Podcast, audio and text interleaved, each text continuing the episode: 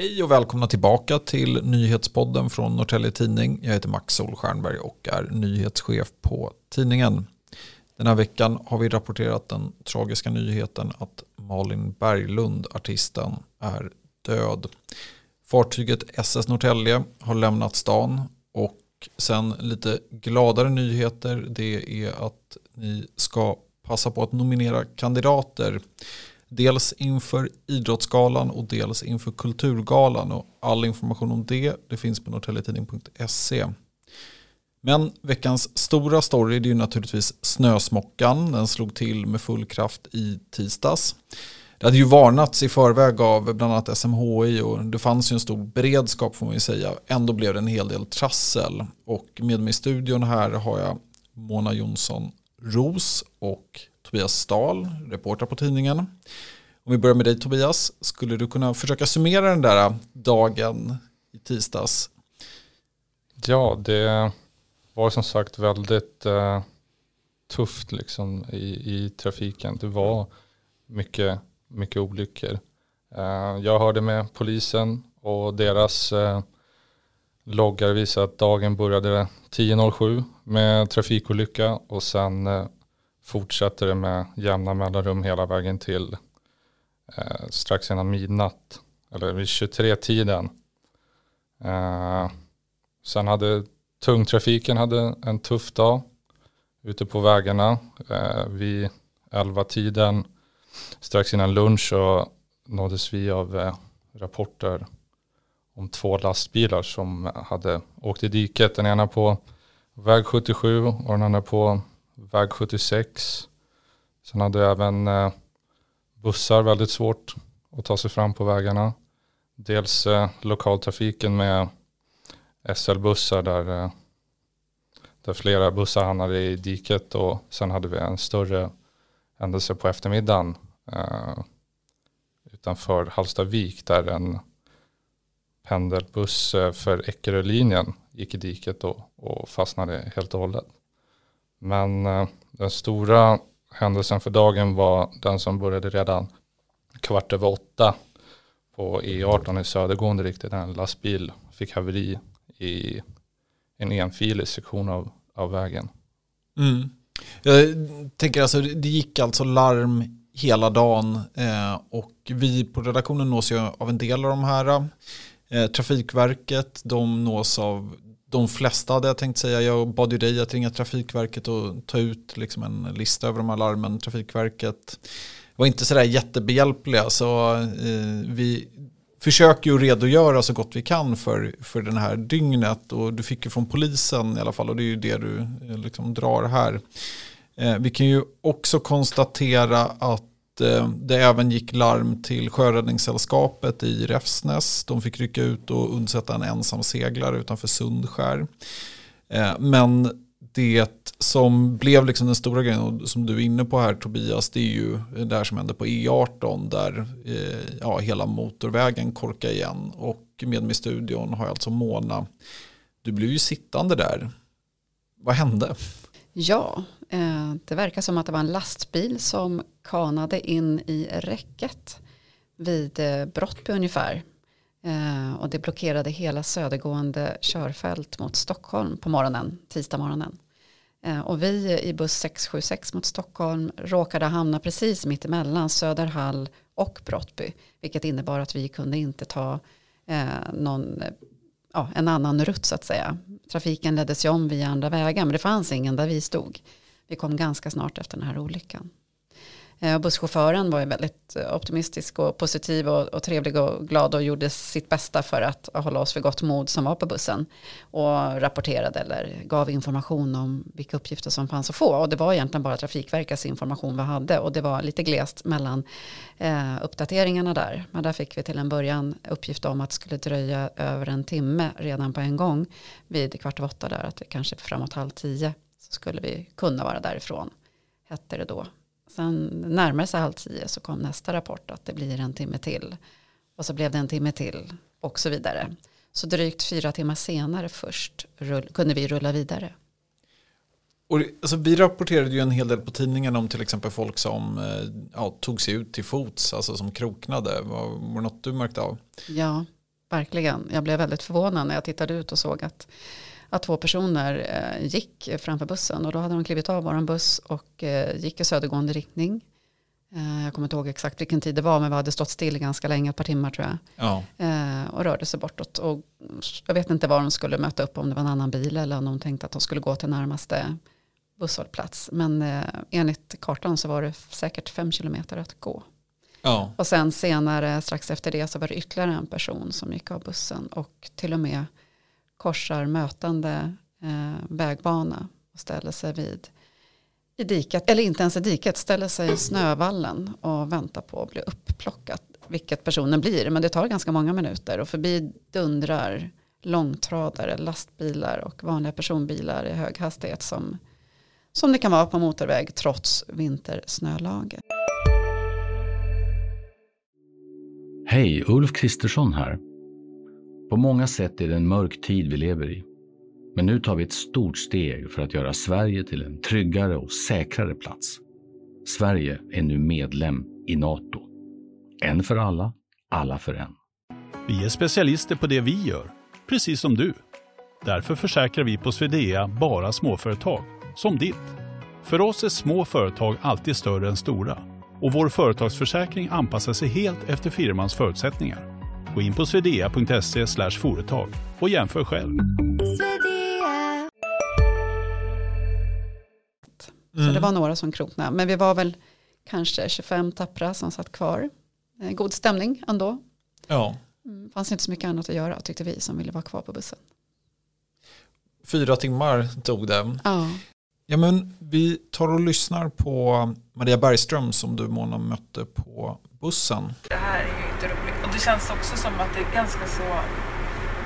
Det är väl en sån sak att tänka på. Att det finns liksom ingen plan för hur man hanterar det här verkar det som.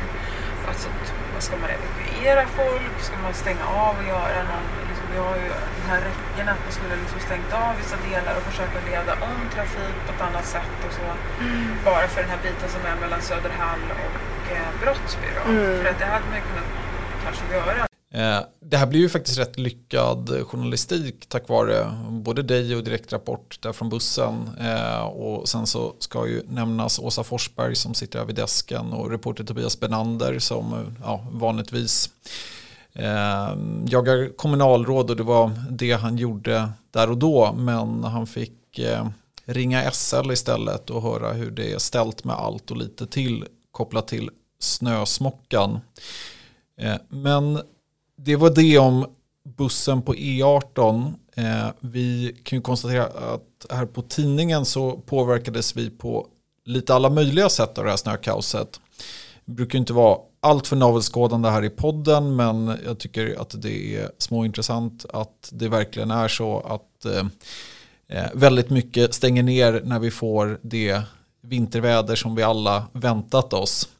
Eh, och eh, ja, eh, den här Eh, olyckan utanför Halsta som eh, Tobias nämnde eh, med Eckerö-linjens buss, den hade vi ju naturligtvis tänkt att bevaka och eh, reporter Andreas Larsson var eh, ja, eh, påpälsad och redo för att ta sig dit när det visar sig att vår garageinfart blivit något av en iskana och vi går helt enkelt bet.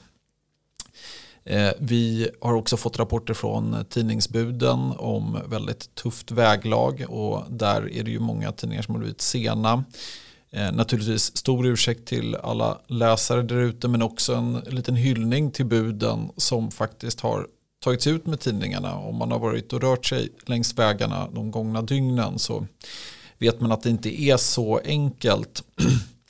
Sen så var det ju så att det var något annat som tog fyra timmar eh, och det var Linus Kjell Magnusson och John Fagerström. De var ute och sände Slow TV när SS Norrtälje skulle lämna stan. Det blev en huttrande historia. De höll igång nästan fyra timmar och ja, eh, vi som var med och följde hela sändningen, vi var inte allt för många men det var en naggande god avslutning där SS Norrtälje försvann i snötjockan, säger man så? Ja, eh, men Tobias, du var ju också ute på jobb eh, när det här slog till och gjorde en helt annan grej. Var på Janssons Tobak eh, och skulle rapportera lite om paketleverans. Vad, vad hände för din del? Ja, nej, men det var ju eh, Black Friday eh, den 24 november, vilket var förra veckans fredag. Eh, och tisdagen var på förhand eh, utsagt att vara den stora dagen då alla paketen kommer fram och, och paketombuden svämmar över och får mer att göra än någonsin när de kliver in i någon sorts högsäsong. Men eh, så vart det inte riktigt. Nej. Och, eh, en lastbil eh, råkar ut för en olycka och ska ha glidit ner i diket. Så att eh, kom eh, bara hälften av alla paketen kom fram. Mm. Och vi kommer ju fortsätta rapportera om själva snökaoset, eller vi har fortsatt rapportera om det. Och ja, vad är det som händer där, eh, Tobias? Det eh, märks ju av väldigt eh, kraftigt fortfarande ute på vägarna. Det är ju mycket snö kvar och det fortsätter komma mycket snö. Men eh, det är också en del bussar eh, i lokaltrafiken som har blivit stående i flera dygn ute i vägkanterna.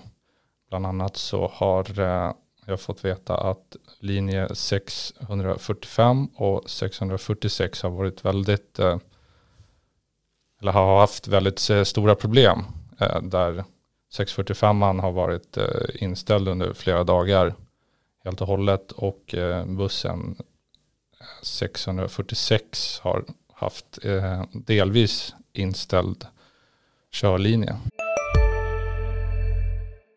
Hej, Synoptik här.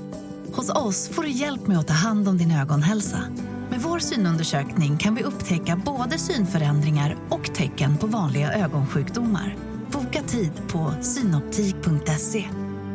Hej, Susanne Axel här. När du gör som jag och listar dig på en av Krys vårdcentraler får du en fast läkarkontakt som kan din sjukdomshistoria. Du får träffa erfarna specialister, tillgång till lättakuten och så kan du chatta med vårdpersonalen. Så gör ditt viktigaste val idag, lista dig hos Kry. Där eh, några hållplatser har utgått i ett par dagar. Mm, och där fick vi precis innan vi började spela in det här eh, torsdagen den 30 november så fick vi reda på att eh, nu har äntligen de här bussarna i diket bärgat så att förhoppningsvis så blir det ändring på det men det är rätt slående att det har gått så många dagar sedan eh, respektive buss då ja, parkerades i diket. Avslutningsvis Mona, några tips till alla busspendlare. Alltså hur, hur slår man ihjäl fyra timmar på 676an? Mhm. Ja, eh, man kan jobba. Jag pratade med flera utav, utav pendlarna där och det var många som hade, både jobbade faktiskt och surfade, hade sin mobil mycket till hjälp då, då och spelade spel, la patiens via, via mobilen och så.